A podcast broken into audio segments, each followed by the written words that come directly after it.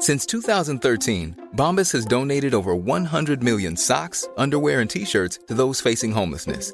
If we counted those on air, this ad would last over 1,157 days. But if we counted the time it takes to make a donation possible, it would take just a few clicks. Because every time you make a purchase, Bombas donates an item to someone who needs it. Go to bombas.com slash ACAST and use code ACAST for 20% off your first purchase. That's bombas.com slash ACAST, code ACAST. Introducing Wondersuite from Bluehost.com. Website creation is hard, but now with Bluehost, you can answer a few simple questions about your business and get a unique WordPress website or store right away. From there, you can customize your design, colors, and content.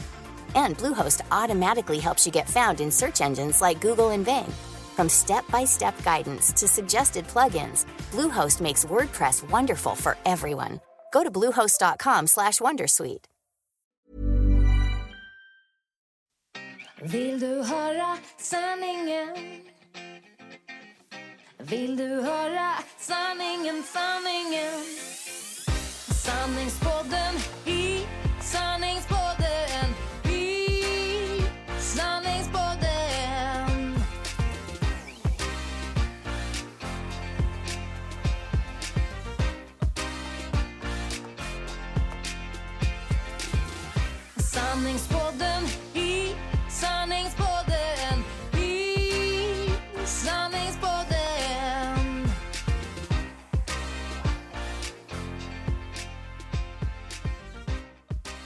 Kära Sanningspodden-lyssnare. Va? Tänker ni. Vem, vem, vem är det där? Var är de goa göteborgskorna? Jo, eh, Annika och Åsa har denna vecka bett mig att ta det här avsnittet. Eh, de tycker att de har pratat så mycket om mig så att det är dags att jag själv pratar om mig. Och jag är då Daniel Ekberg. Äggmannen. Eh, den där äggmannen som klipper deras podd i vanliga fall. Och som klipper lite andra poddar. Men vem är då Daniel Äggmannen Ekberg?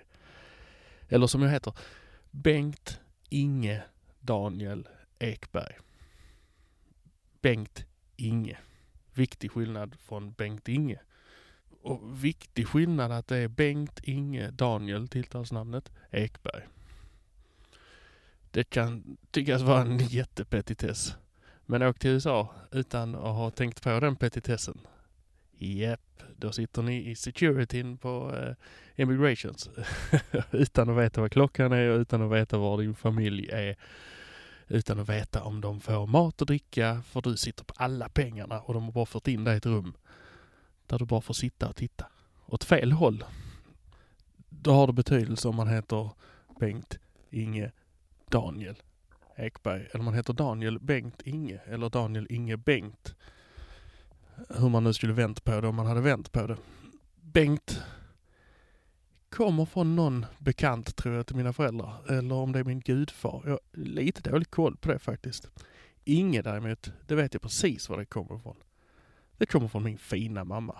Ingegärd. Ingegärd Ekberg. Mamma, mamma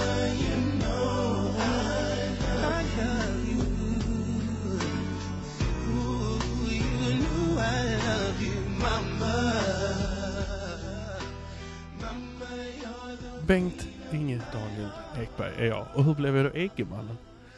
Jo, det kommer av att jag kommer från Skåne och jag heter eh, Ekberg. Jag har haft många smeknamn. Jag har haft eh, Eko, hade jag ett tag. Eh, det kan komma till sen varför det är relevant. Ett tag kallades jag för Ekman. Och det var för att det var en kille som aldrig hade lärt sig vad jag hette i efternamn. Så det blev Ekman.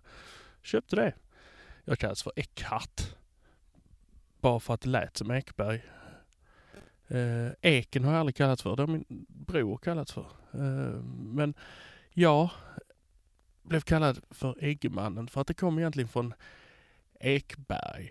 Egeberg, Egeberg, Egeberg. Alltså någon form av skånsk humor. Eh, gutturalt eh, eh, dialektaktigt i humorn. När man gick i typ gymnasiet. Eller ja, nian gymnasiet. Där någonstans. Egeberg. Och så spelade vi fotboll. Så Ege, Egeberg, Ege, Ege, Ege blev det. Ege Och sen så liksom den evolverade till Egge. Mannen la jag till själv. Det kommer nog från att jag, man skulle, i internets början så spelade man spel och så skulle man döpa sig till saker. Uh, Dan the Man kallar jag mig då ibland. uh, och det blev senare Eggemannen. För att mannen hängde med från Dan the Man. Äggmannen, Äggmannen. Har ingenting med ägg att göra. Däremot så kan jag ibland identifiera mig med den här låten. Klingelingeling, klingelingeling, här kom der Eiermann kommen Sie alle, alle an die Eier ran. Ringelingeling. Jag kom till Eierman. Äggemannen som det borde bli, men det är inte samma sorts ägg. Men i alla fall. I, och skulle jag egentligen nu idag uh, identifiera mig med någon låt så är det väl snarare den här. Men då kommer han med mustaschen och bugar och ber att få en dans. Ja, då kommer han med mustaschen. Det andra, det har ingen chans. Ja, där kommer han med mustaschen. För så ser jag ut. Jag har ett ägghuvud. Jag är rakad på huvudet. Av den enkla anledningen att det är enkel anledning. Det är liksom enkelt att hålla reda på. Och sen har jag en mustasch som min fru kallade det bästa som har hänt mitt ansikte.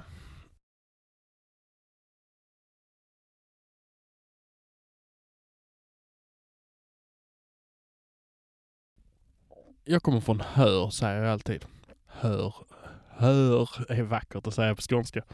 Eller kanske inte. Men det ligger mitt i Skåne i alla fall. Däremot i mitt pass står det Västra Skrävlinge församling. Och det är den församling man tillhör om man är född på Rosengård. Och jag är född på Rosengård i Malmö.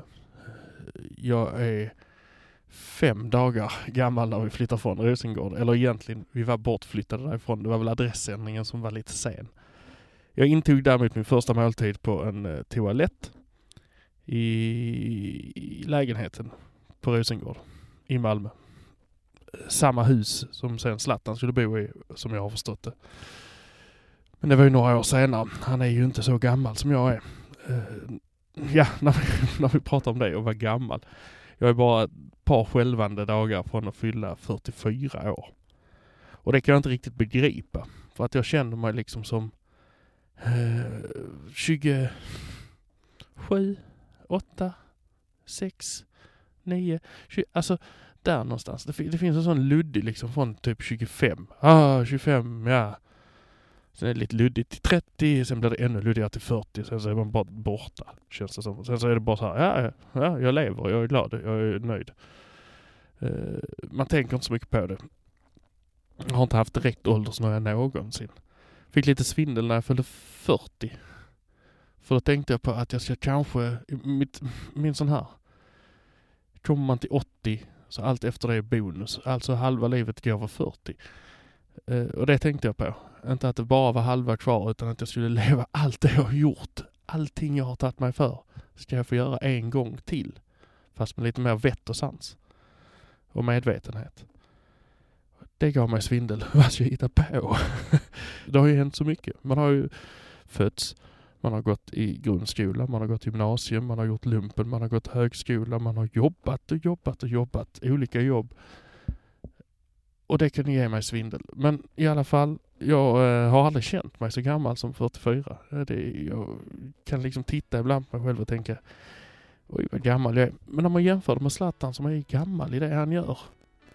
Så ja, då blir det lite konstigt. Men sidospår.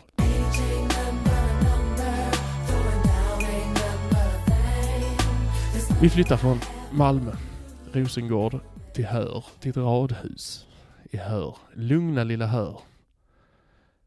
Där folk började låsa dörrarna när det kom en familj från Malmö, en familj från Rosengård. En familj bestående av mamma och pappa och fyra söner. Mig var de kanske inte så rädda för, jag var ju bara några dagar gammal, men mina bröder var 9, 12, 14 år gamla. Som ni märker så är det en stor skillnad mellan mig och min yngste bror. Det är så jag brukar få förklara det. Jag har bröder, men min yngste bror han är nio år äldre än mig. Och då börjar folk för när man säger min yngste bror, då tror de det är en lillebror. Men min yngste bror är nio år äldre än mig. Min äldste bror är 14 år äldre än mig. Han har aldrig varit en riktig bror. Det har de inte någon av dem. De har varit farbröder mer. För tänk, när jag var liksom i medveten ålder, säg att jag började liksom vara riktigt, som jag kan komma ihåg, 8-9 år gammal. Plussa på. 8, 9, 17 år var han då. Det är liksom rätt mycket. 22. det är liksom så ofattbart. Då tyckte jag ju själv att jag var jättemogen, gammal och eh, klar för världen. Så jag har växt upp med tre farbröder och två föräldrar. Eh, och det har väl haft sina fördelar och sina nackdelar. Fördelen är att jag har varit väldigt bortskämd.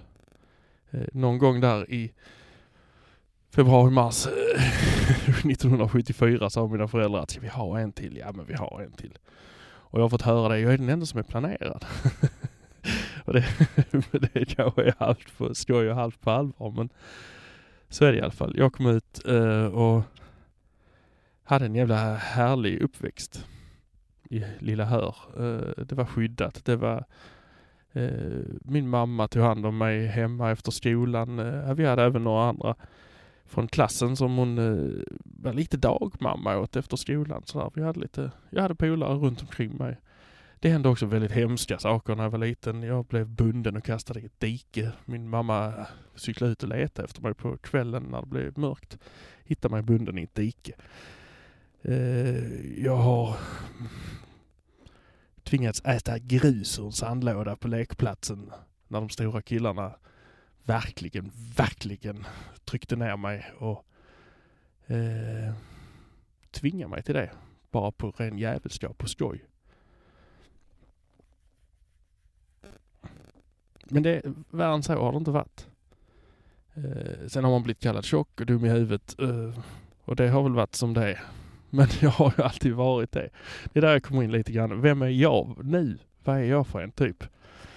Eh, vissa kallar mig kroppsaktivist, eh, vissa kallar mig bara en skön lirare.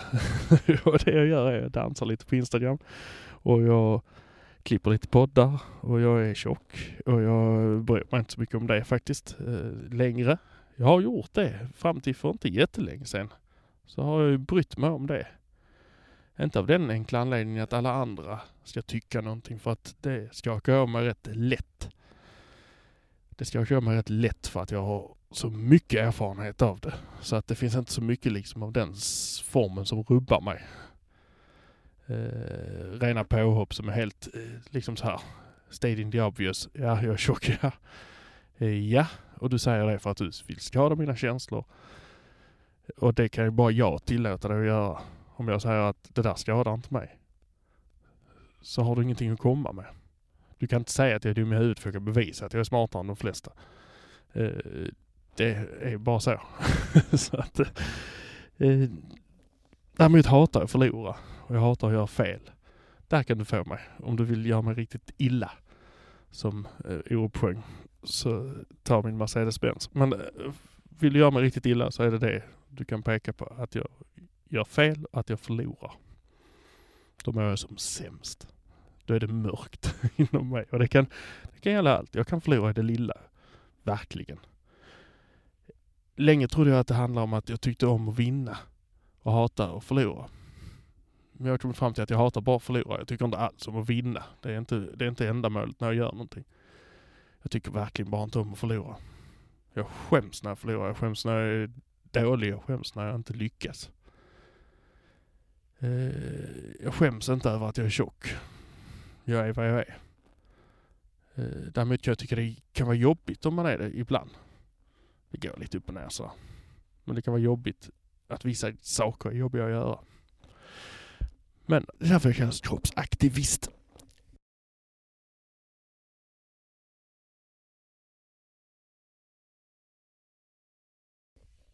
Så visst är, men visst är jag det. Visst är jag kroppsaktivist. Jag försöker visa, jag försöker visa mina barn att det är okej att se ut precis hur fan man vill. Och det ligger hos mig att bedöma det. Självklart. Jag var med på SVT Opinion och pratade med Peter Sipen och vi, jag sa det där och jag säger det här. Det är mitt fulla ansvar att ta hand om mig själv. Det är mitt fulla ansvar att ta hand om mina barn, att de mår bra. övervikt innebär inte automatiskt att man mår dåligt. Inte automatiskt att man kommer må dåligt. Eh, vissa risker, många risker föreligger. Men har man koll på det, vilket man har ett ansvar att ha, så är det fine. Jag har inget ansvar att se ut hur du tycker att jag ska se ut. För att det ska passa dig och ditt estetiska öga, ditt estetiska tyckande. Det är... Alltså det, det, det har jag inte ansvar för, vad du tycker är vackert eller inte. Tycker du jag är vacker, så tycker du jag är vacker. Tycker du inte det, så behöver jag inte ändra mig för dig. Så enkelt är det.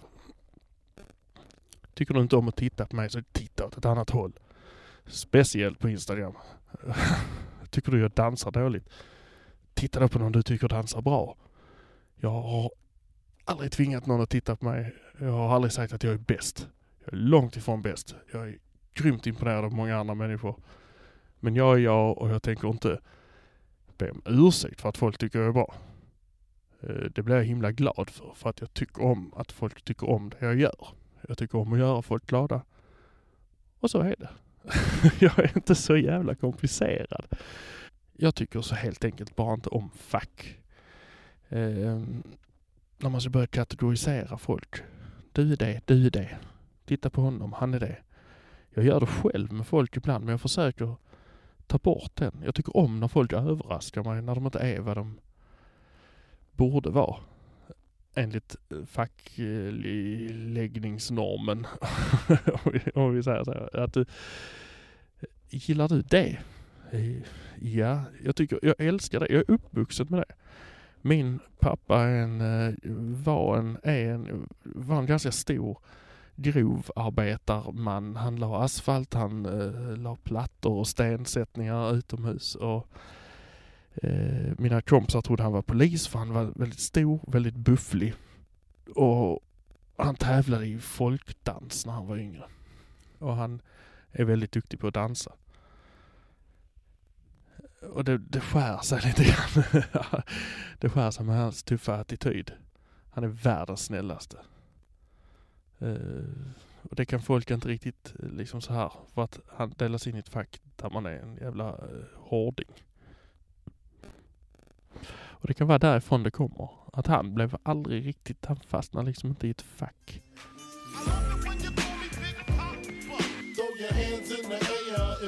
Throw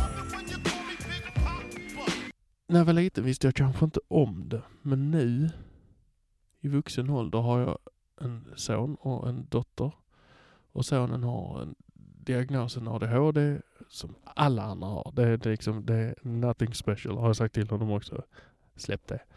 Eh, men han har ADHD och han har Aspergers. Jag skulle säga en väldigt mild grad av det. Eh, inte för att det ska betyda någonting med grader och sånt där, men Eh, det är lätt att tro att åh, han har Aspergers, åh, hur går det, hur funkar vardagen? Ja, han har sina problem. Han har sina problem kan vi säga. Det är väldigt klart. Men eh, han reder också ut dem väldigt bra.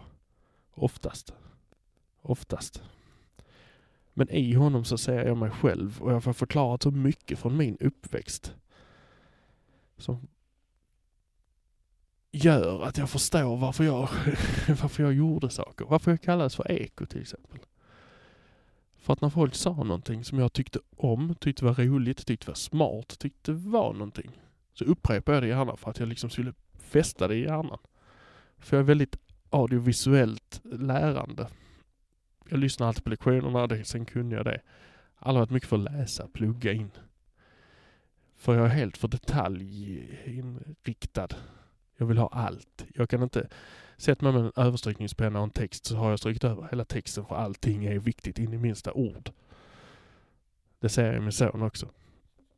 Berätta en historia tar en evighet för honom för att man kommer liksom inte riktigt till poängen. jag är likadan själv. När jag var liten så hade vi mycket filmer hemma. Och när någon sa, har du sett den filmen? Ja, ja. Eh, ja, Daniel, berätta vad den handlar om. Ja, det var han som kom och så gick han där och sen så sköt de den och sen så började de jaga dem och sen så var de där och sen så var det, alltså liksom berätta hela filmen. Kanske till och med spoilers. det var liksom För att jag hade sett det, jag hade lärt mig det och jag hade liksom detaljerna i huvudet. Eh, det där minnet, det där detaljminnet har alltid förföljt mig. Så att jag kan en massa konstiga saker som man inte behöver kunna.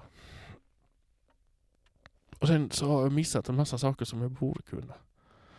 Och jag har alltid haft svårt att förstå vad som är normalt och vad som inte är normalt för folk.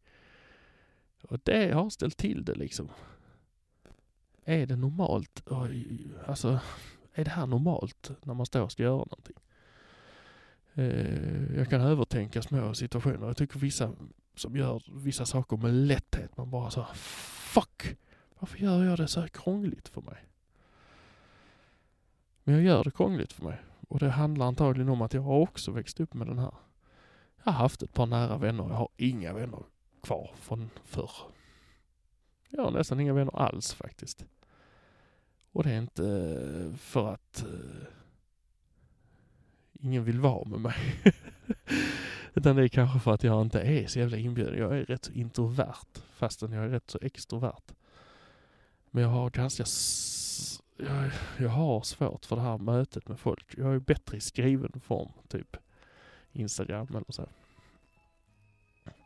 Jag vet inte varför. Jag är en eh, ensam varg. Och ibland känner jag mig så fruktansvärt ensam.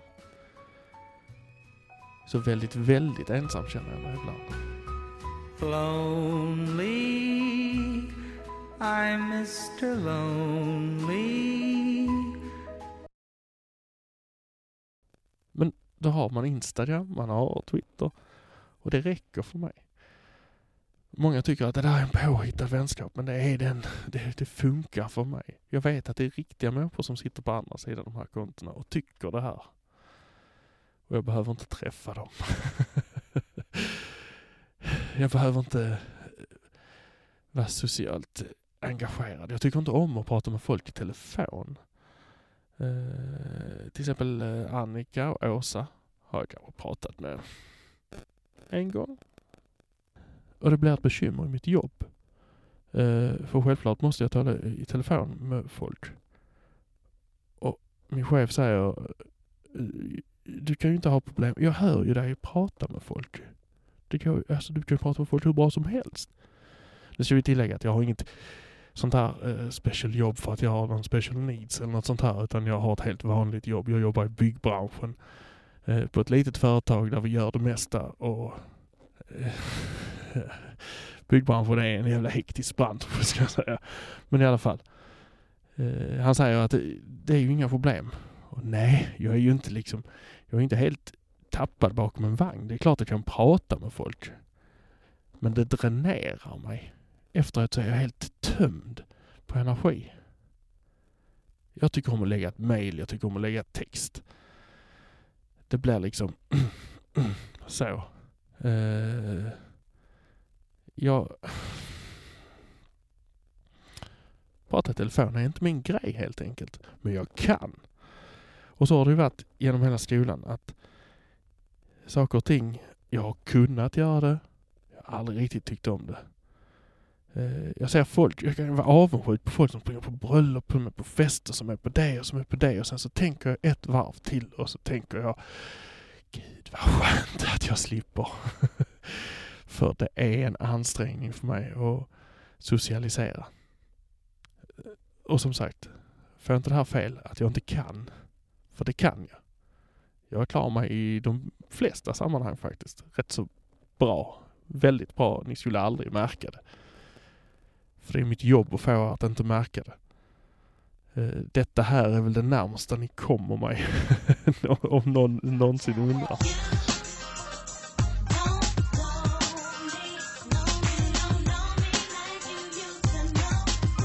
Så under skoltiden så upplevde jag den på ett sätt. Och nu kan jag tolka den med ett annat facit. Det är som jag har fått en liksom sån här eh, man kunde se folk som har klippt ut små, små, små rutor så lägger man dem över rätt sida i en bok och så kan man läsa speciella ord. Den har jag fått nu till min ungdom. min, min barndom, ungdom och min eh, uppväxt. Jag fattar nu, men okej, det var därför det hände så. Det var därför det var så. Eh, jag skulle inte byta det för en sekund. För att jag lärde mig att vara mig. Och det är inte lätt att vara mig. Men jag har lärt mig att vara mig. och där har jag också lärt mig att det ligger hos mig. Det lättaste sättet att liksom, eftersom jag hatar att förlora, det lättaste sättet att vinna över någon när man pratar med någon, det är att absolut inte låta det de säger påverka en. Och istället, vad de än säger, så länge folk bara säger saker till en så är det ingenting. De kan säga la, la, la, la, la ungefär istället. Och där kommer den här biten med att bli kallad tjock. Och liksom stå upp för det. Eller, jag har ju svårt att argumentera för det liksom. Men jag har absolut inte svårt för att folk kallar mig det. Sen ska man inte kalla folk för det. För att kallar folk det som ett skällsord. Jag vet att folk säger det till mig för att sticka en kniv i mig liksom. Det är samma sak. De tror att det ska påverka mig. För så påverkar det folk. Det är den här lättkränktheten som alla raljerar över. Ja, man får vara kränkt, man får bli kränkt, men det påverkar ingenting egentligen. Det är liksom... Om någon säger något väldigt, väldigt hemskt till mig. Att jag är tjock, att jag är ful och jag är dum. Fine. Låt säga det. Det är det de säger till mig. Du är tjock, ful, dum och dansar dåligt. Så kan jag säga, jaha. För det händer ingenting. Om jag vänder mig om och bara går så händer det ingenting för att de har sagt det till mig. Börjar de säga det till andra för att liksom... Men där återigen, att vara tjock det är liksom inget... Eh, om någon gör så här, han är tjock. Oh, shit, du har ögon du kan se. Ja, jag är tjock. Det är väl inte något med det. Vad fan spelar det för roll? Han är dum i huvudet. Då börjar vi komma in i liksom gränslandet. Ah, Okej. Okay. Låt en annan bilda en uppfattning först. Att jag är tjock, den uppfattningen bildar alla sig när de ser mig första gången. Så tänker de, oh, han var tjock.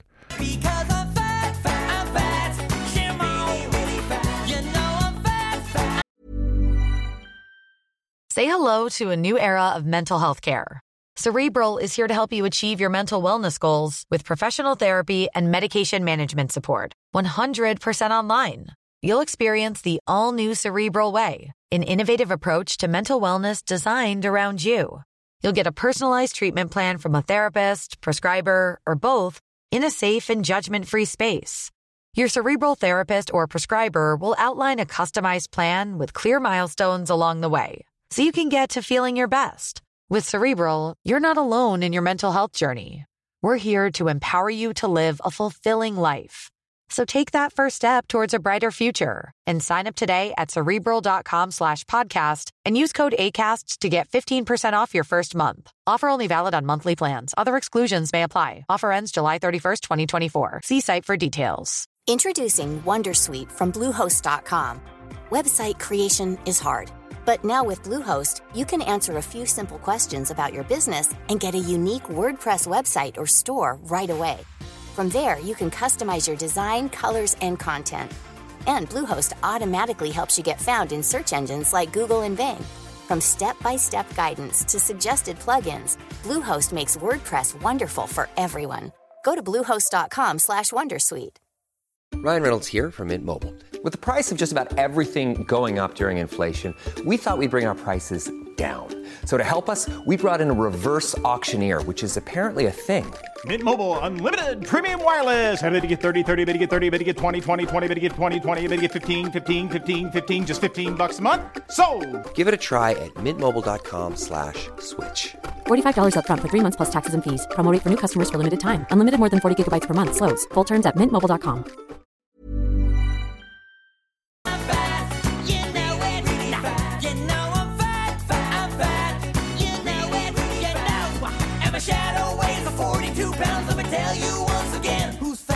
Men den hårda huden att klara av det, den har jag fått lära mig och jag har fått lära mig den hårda vägen.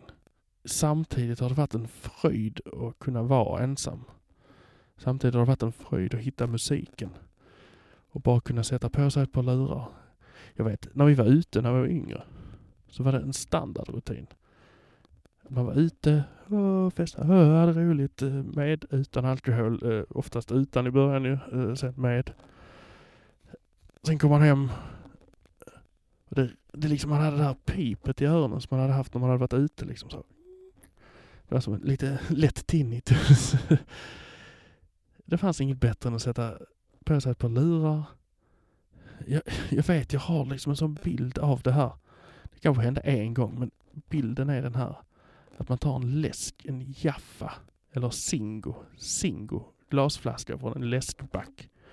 Öppnar, på med ett par lurar, sätter på bra musik, sätter sig i sängen och tänker på vad som har hänt under hela kvällen. Analyserar det och tänker på vad man skulle kunna gjort bättre och sämre. Eh, Det var liksom eh, nu förstår jag att det var någon form av statiskt liksom så här eh, av en manual i huvudet. Och även dansen såklart. Jag har stått timmar framför spegeln hemma för att liksom se, ser det där dumt ut? Ser det där okej ut? Och det har mynnat ut i det jag har nu. För nu är jag inte ängslig längre. Nu rör jag mig som jag gör när jag dansar. Men det har ju, det kommer ju någonstans ifrån. Och det kommer från timmar av det här. Så timmar och timmar av dansande. Jag har specialstuderat Michael Jacksons videos eh, i slow motion för att se vissa rörelser om och om och om igen. På den tiden när jag hade det liksom fokuset. Och jag har lyssnat massor på musik. Massor på musik. Mycket, mycket, mycket mainstream musik. Alltså det där som alla har hört också. Men jag har lyssnat massor på det. Eh, det har liksom varit en så stor del av mitt liv att jag alltid hade musik med mig. Och aldrig varit riktigt rakt in på någonting. Jag, jag gillade Kiss för att alla gjorde det. Jag gillade Michael Jackson och gillar fortfarande Michael Jackson för att... Men det var nog mest för att man gjorde det. Och mest för att det var kul. Truls gillade Prince. Truls gick i min klass. Jag sa att Prince var kass. Jag älskar Prince. eh, och än idag, det där måste jag liksom... Truls gick på en konsert med The Communards, tror jag. Eller var det The Commodores? Och oavsett vilket så är jag fruktansvärt avundsjuk på honom fortfarande. För vi var inte så gamla när de var och spelade på mejeriet i Lund. Eh, och för er som vet så är det två vitt skilda saker med The Communards och The Commodores. Men jag hade varit lika, lika avundsjuk oavsett vilka det var. Däremot fick jag se Kiss. Ute på baksidan på vårt hus hade vi en gungställning, en sån här gammal Hörbybruk. Eh, grön med orange överliggare eller röd. Det var väl solblekt. Som det brukar hänga kedjor ner med en plastgunga där nere, en gul plastgunga. Gungan var borta.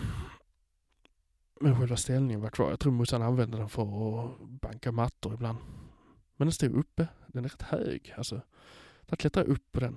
Och sen så snurrade jag runt sån här gymnastik på, i knävecket liksom. Utan händer. Och jag hade ingen hjälm. Inte ens skyddsglasögon. Eh, där snurrade jag över plattläggningen.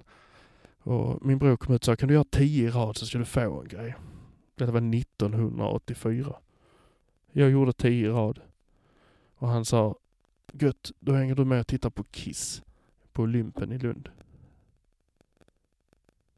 Och det, det, var mina stora idoler. Eller det var alla andras stora idoler, alltså mina också, eftersom jag hade ingen egen smak, för jag tyckte om så mycket.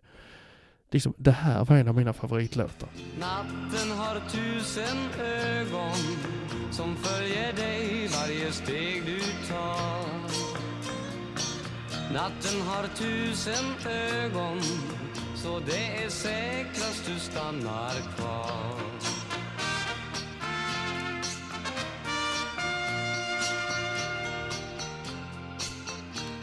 På riktigt. En av mina favoritlåtar. Än idag tycker jag fruktansvärt mycket om den låten. Jag älskar det här.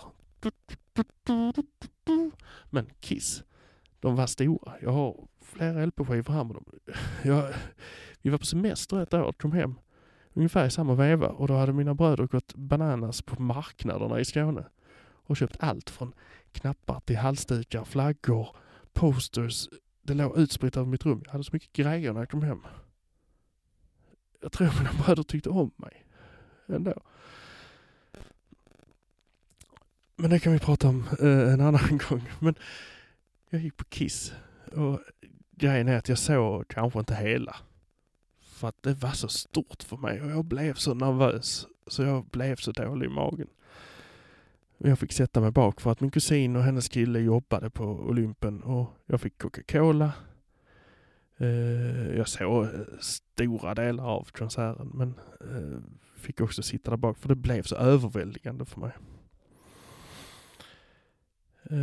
Och jag fick en halsduk, den har jag kvar fortfarande. Men det var liksom den konserten. Sen var jag så Magnus Uggla. och sen har jag varit och sett Michael Jackson på Ullevi. Och jag känner att Magnus Uggla har inte med det att göra. Men jag känner att jag har sett Kiss, jag har sett Michael Jackson. Eh, och det är jag jävligt nöjd med. I övrigt har jag inte sett många konserter. Jag kan titta på folk som är tittar på konserter. Jag kan se folk som är säg, Håkan Hellström eller eh, Guns N' Roses eller Bon Jovi eller eh, Bruce Springsteen på Ullevi.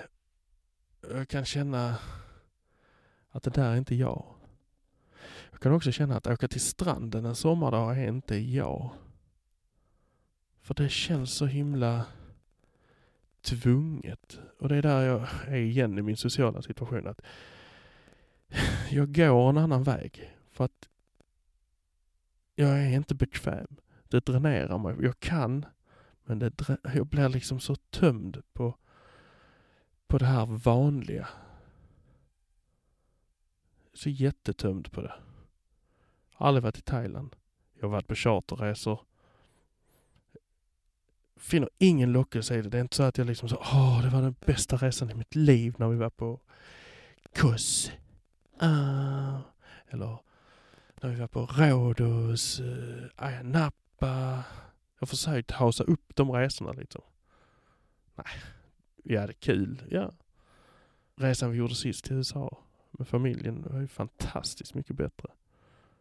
Och det var kanske inte det vanligaste. Jag ser- Vi bodde i Needles. Men det är inte heller, jag är inte heller ute efter det här att vi ska vara så jävla ovanliga att vi ska gå och vandra på en led i Nicaragua som bara någon speciell har gjort. Nej.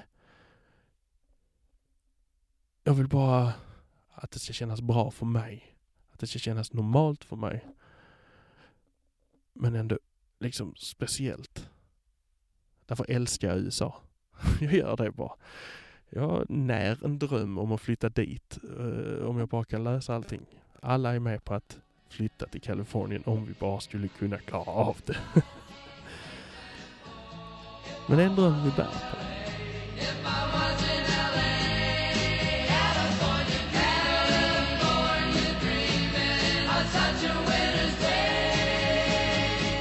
Idag har vi flyttat till Malmö, familjen, från Helsingborg.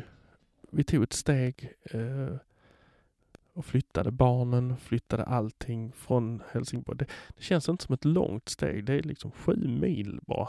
det är ingenting. Men det är ett enormt kliv in i en annan värld. Och folk säger kan ni bo i Malmö? Det är så farligt i Malmö. Och vi bor väl i den lugnaste delen av hela Malmö. Och det är lugnt här. Ja, folk har skjutits i Malmö. Mm. Så är det. Men jag är nog mer rädd för att dö i en bilolycka i Malmö än vad jag är att dö av att bli skjuten. För trafiken är rätt hetsig. Och där kommer det igen med den hetsiga trafiken. Att jag tycker inte om att förlora och jag kan hitta en fight i varje rödljus. Och det tär på mig det också, att det är så. Så jag måste jobba med det. Och det jobbar jag med. Men vi flyttade till Malmö. Och tre fjärdedelar av familjen var väldigt nervösa och var väldigt skeptiska.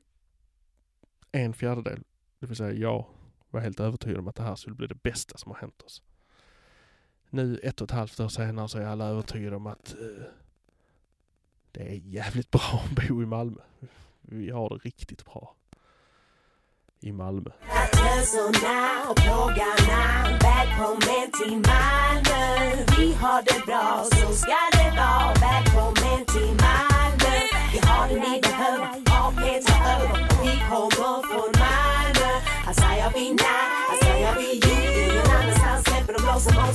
Och som sagt, jag jobbar i byggbranschen men jag har ju också det här andra jobbet där jag klipper poddar.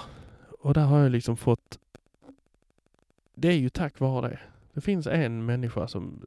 Mycket av det här är bara tack vare. Jag kan koka ner det till en person. Som för typ fem år sedan eh, skrev tillbaka till mig på Twitter och vi twittrade lite till varandra sådär ibland. Eh, och jag frågade om han kunde ringa och gratta grabben när han fyllde tio. Och det gjorde han. Och han skickade även en liten grattisvideo nu när han fyllde 15. Och det är Fredrik Wikingsson. Filip och Fredrik Fredrik. Utan honom hade ni aldrig hört mig här. För någonstans där så fick jag liksom den här, fan jag vill också göra en podd. De gjorde en podd, jag vill också göra en podd. Så jag bestämde mig för, ja men jag gör en podd. Min fru sa, eh, vad sa du du skulle göra? jag ska göra en podd. Jag ska göra en podcast. Om vad? Eh, Tänk dig värvet där man intervjuar folk. Ja. Om träning. Okej. Ja. Ska du göra det? Ja, jag ska göra det. och så gjorde jag det. Men så frågade jag Fredrik om han ville vara med och det är klart han ställde upp på det. För han är världens jävla härligaste kille, måste jag säga. Och på den vägen är det. Där lärde jag mig det här med att klippa podcast och göra podcast. Och jag gjorde väl en 56 avsnitt av min egen podd. Där jag träffade alla möjliga människor. Eh, ibland live, ibland via telefon. På ett hotellrum i Los Angeles har jag träffat eh, folk. Eh, varit hemma hos Göran Hägglund. Bara en sån sak. Varit hemma hos Klara Svensson, boxaren. Eh, bara en sån sak. Spelat in i hennes vardagsrum. Jag lärde mig också klippa podcast. Eh, därefter gick jag och klippte några andra podcast på lite skoj. Eh, och sen kom Fredrik och så sa han, fan, eh, kan du klippa podcast? Så jag har klippt ett par avsnitt till dem också. Och det har gynnat mig i den här processen att jag har fått klippa mer. Nu klipper jag väldigt mycket podcast på fritiden. Och eh, det är bland det härligaste som finns. För jag klipper allt från tandläkarpodd till eventpodd till eh, ren intervjupodd där eh, Nemo möter kändisar. Eh, Sanningspodden med Åsa och Annika. Och jag lär mig någonting nytt varje gång jag sitter och lyssnar. Och en av de mest, jag klippte en podd som heter Hasse 100 år, han pratade med folk som var 100 år. Och den kunde drabba mig hårt den podden för att jag satt ju och lyssnade efter nyanser och klippa och liksom så här dra ihop det. Och jag kunde höra när de skiftade, när de pratade om döda eh, makar och makor. Och barn som hade gått bort och hur det var att vara själv och vara ensam och gammal. Nyanserna när man lyssnade på det så intensivt som jag gjorde. Det, det drabbar mig hårt ibland. Nu klipper jag en podd som heter Snutsnack åt honom. Hasse. Och den, eh, ibland är det samma sak. Jag hör på de här poliserna han har som gäster. Det här lilla skiftet i rösten när det byter till att det, det blir jobbigt att prata om. Jag hoppas de som lyssnar också får höra det. Så att det inte bara är på i full fläng som de lyssnar. Jag sitter ju väldigt koncentrerat och lyssnar. Det har också gjort mig vän med min röst på ett annat sätt. Att jag har klippt mig själv. Nu kommer jag klippa mig själv igen i det här avsnittet. Eh, och jag vet inte hur det är, för det är säkert ett och ett halvt, två år sedan jag klippte min egen röst. Och det är inte lätt. Det är rätt jobbigt att göra det faktiskt. Men jag ska väl ta mig igenom det också. Ni har ju lyckats lyssna ända hit i alla fall. För lyssnar ni nu så har ni lyssnat ända hit.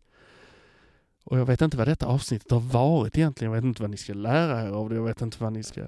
Man ska alltid liksom ha en stark story. Jag har ingen stark story mer än att livet är vad livet är liksom. Och det, allt man kan göra av det är att tolka det på sitt sätt. Och man kan vara glad eller inte. Jag satte en gång upp ett mål om att när jag skulle komma in i ett rum skulle folk bli glada. Alltså inte jublande. "Ah, Kolla där är han! Utan mer. Hej, där! Veta att ah, jag ska, jag ska göra folk glada liksom. Folk ska känna att ja, det känns bra att han är här. Gött att ha det här. Inte så, åh nu kommer han. åh." Nej, inte den. Utan mer, åh, fan vad härligt att du är här. Folk ska bli glada. Jag kan säga att i byggbranschen som jag jobbar gör vi sällan några glada. Den är utstuderad på att man ska tycka illa om varandra för att man ska få ut så mycket pengar som möjligt eller behöva betala så lite som möjligt. Det är ett spel hela tiden där man ska låtsas tycka om varandra och inte tycka om varandra och jag kan inte läsa av det och jag orkar inte läsa av det längre. Jag vill göra folk glada. Så har jag mitt Instagramkonto som är en ventil där jag hoppas att jag gör folk glada. Jag tror det i alla fall. Och även om de skrattar åt mig så skrattar de och då är de glada. Jag har liksom kommit över den där prestigebiten att jag måste vara eh, att folk måste tycka om mig väldigt mycket för det jag gör liksom rakt upp och ner. Att jag måste vara duktig på det. Så länge folk är glada när de ser mig så är jag nöjd. Och det här avsnittet kanske inte gjort er jätteglada men jag hoppas på något sätt att ni har tagit med er någonting som gör er glada. Eh, jag vill liksom tillägga det här att, det är, att jag inte kallar mig riktigt kroppspositivist. Jättesvårt ord för mig att säga.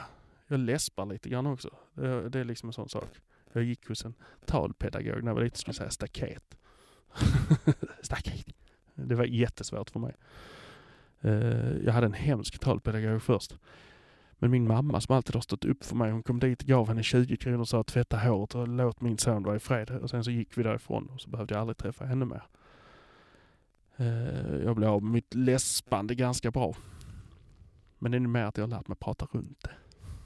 Jag lär mig lite och gå runt det jag inte kan. Så får jag ta det på ett annat sätt. Det är samma sak när jag skriver. Jag skriver runt de orden jag inte begriper. Hittar andra ord istället. När jag inte vet hur jag ska böja det. Ah, då skriver vi ett annat ord istället och så skriver vi om den meningen. Och lite så gör jag med podcast också. när jag inte vet riktigt vad jag ska prata om, då, då gör vi något annat. Då skriver vi något annat. Nu har jag pratat om att läspa. Jag har pratat om en eh, pappa som inte ville sättas i fack. Jag har pratat om att vara kroppspositivist. Hörde ni? Där kom det igen. Kroppspositivist. Heter det så? här? Positiv. Kropps, man är kroppspositiv. Positivist. Kroppspositivist. Visst, vi säger så. Att jag eh, kallar mig inte det direkt. För att det är så jävla lätt för mig att vara det. Det är så lätt för mig att säga det. De riktiga liksom, Stina Wolter och eh, liknande. För helvete vad de får mycket skit. Ursäkta att jag svär men det är, det är vidrigt vad de här människorna, kvinnorna som gör det här får ta mycket, mycket, mycket skit. Det får inte jag. Jag har haft en som tyckte att jag skulle skicka mer nakenbilder till honom. Mm. Honom. Kvinnorna, ja, de är lite småflörtiga, men då brukar min fru gå ner och stänga till det. Åh, har du barnen denna helgen? Nej. Ja, han har barnen och mig denna helgen och alla helger. Eh. men det är så oförargligt på något sätt. Däremot har jag fått det liksom direkt i min in, liksom, sån inkorg att visa mer och då är det från en man. Det är jätteläskigt. Varför är det så här? Varför är män så dumma i huvudet? Alltså... Eh, jag begriper inte det. Varför tänker vi bara på det sättet? Är vi fostrade till att tänka på det sättet? Det, det gör mig liksom upprörd. Men jag har ju inget problem med det. Däremot står jag gärna upp för de som har problem med det. Jag står upp för de här. Stina Wolter till exempel. Jag tar henne som alternativ, eftersom, eller eh, exempel eftersom alla vet vem hon är. all den skit hon får utstå. Även andra som liksom är de de är bara. Smal eller tjock eller vad som helst. Se ut hur du vill. Jag tycker det, är- det måste vara hemskt. Bli påhoppad hela tiden. Jag får mina små gliringar men jag är som sagt, jag klarar det. Jag får dem i så liten utsträckning i förhållande till hur många som eh, ger mig positivt. Det är sinnessjukt. Eh, Allt man kan göra är att stötta de som har, får så mycket skräp. Jag, jag ser ingen väg att stoppa de här som sitter bakom tangenterna och bara Nej du är dum i huvudet, varför håller du på så här? Uh, visa mer, ska du ha en kukbild? Va? Varför stänger folk ner hjärnan? Va? Är det någon som kan svara på det? Hallå? Jag kommer ihåg en gammal sketch. Med, eller äh, det är det är en scen från eh, Cyklar och träsmak med Galenskaparna. När han kommer in och så, är det en prick på väggen. Det är din hjärna som talar. det är hans hjärna som pratar. Du kommer du ihåg när du använde mig, säger han. Alltså detta satt jag och skrattade på slutet på 80-talet. Vi är ju där nu. Detta, är ju, detta var rimligt, detta var en framtidsvision liksom. Han gick i sina plastkläder. Det enda som skiljer är att vi har inte sådana kläder. Men i övrigt så hade de helt rätt. Kommer du ihåg när du använde mig senast? Frågar hjärnan. Det är många där ute som skulle behöva ha den reality-checken från sina hjärnor. Hallå, jag finns här. Använd mig. Bättre begagnad alltså. Fortfarande många mil kvar. Sluta vara sån jävla dumhuvuden skulle jag bara vilja säga till dem allihopa. Men samtidigt, att gå in i clinch med folk på nätet är sånt enormt slöseri med tid. Ni märker, det här gör mig liksom upprörd. Men eh, det har varit kul att prata med er. Det har varit jätteovant att sitta och prata om mig själv rakt ut. Jag har inte skrivit någonting av det här. Jag har bara tagit det rakt ur huvudet, rakt ut. Ni ska få en ofiltrerad mig och det har ni fått. Jag kommer att klippa lite grann i det här för att jag har vilket jag har försökt jobba bort. När jag lyssnar på podd så hör jag folk som säger "Äh", och det är det vidrigaste som finns. Jag har gjort det själv när man tänker. Men jag försöker vara klar och tydlig och göra det enklare för mig själv. Det blir ingen veckans, eller veckans update eller var det bättre förr? Var det bättre förr? Allting var bättre förr. Jag skulle kunna prata i evigheter om tv-serier. Jag skulle kunna prata i timmar om musik. Jag skulle kunna prata om leksaker. Jag skulle kunna prata om detaljer från när vi var små. För sån är jag. Men någonstans får vi liksom stoppa det här tåget som bara rullar, rullar, rullar. Men jag hoppas att ni eh, tar hand om er. Och ska ni ta med er någonting så var snälla där ute. Skriv ett snällt ord till folk. Skicka ett hjärta. Ett hjärta kostar ingenting att lägga på Instagram till någon. Betyder enormt mycket för den som får det. Det värmer mig vartenda litet hjärta jag får på alla mina danser. Ja, det är väl det. Var snälla. Tänk efter. Tänk efter att alla är inte som jag. Alla kan inte skaka av sig det man säger. Vissa bär med sig det i all evighet. För vissa gnager det. Vissa bygger ett helt liv på att motbevisa det som någon sa till dem en gång. Jag är inte sån för att jag är liksom, jag bryr mig mindre om det. Eftersom jag är ändå bäst av alla. Så spelar det ingen roll om någon annan tycker, tycker något annat. För jag har ändå rätt. För jag har inte fel. För jag hatar att förlora. Så var snälla mot varandra. Var snäll mot mig. Eh, tyck nu, tycker ni det här avsnittet var jättedåligt så bara håll det för er själva. Tycker ni det var jättetrevligt att höra mig babbla om ingenting. Eh, nästa vecka hoppas jag att Åsa och Annika är tillbaka för jag, eh, eh, ni får gärna, ni, vi kan göra så här. Jag har berättat lite grann här. Jag har lite svårt liksom att sätta ner vad jag ska prata om. Men har ni några frågor till mig så kan ni ställa dem till Åsa och Annika. Så samlar de ihop det. Eh, ni kan skicka dem till mig på Instagram också, men vi kan samla ihop det. så eh, Om de vill så kan jag svara på de här frågorna någon gång i framtiden. De kan ställa frågorna till mig så kan jag svara på dem. För det finns säkert massor med frågor. Att, vänta, vad, eh, det där blir aldrig... För att jag eh, har sidospår. Jag är inte så duktig som Filip och Fredrik på att hämta hem det och knyta säcken som de brukar prata om. Eh, det är jag verkligen inte. Jag har börjat skriva ett par böcker. De hamnar aldrig i någon färdig låda för att det blir aldrig färdigt. För jag har aldrig slutet klart för mig och det blir så många konstiga trådar. Som nu är jag ute på en tråd igen om böckerna. Jag ska försöka avsluta den här podcasten. Så jag avslutar bara med att säga tack för att ni lyssnade. Hej då! Vill du höra sanningen? Vill du höra sanningen, sanningen? Sanningspodden i sanningspodden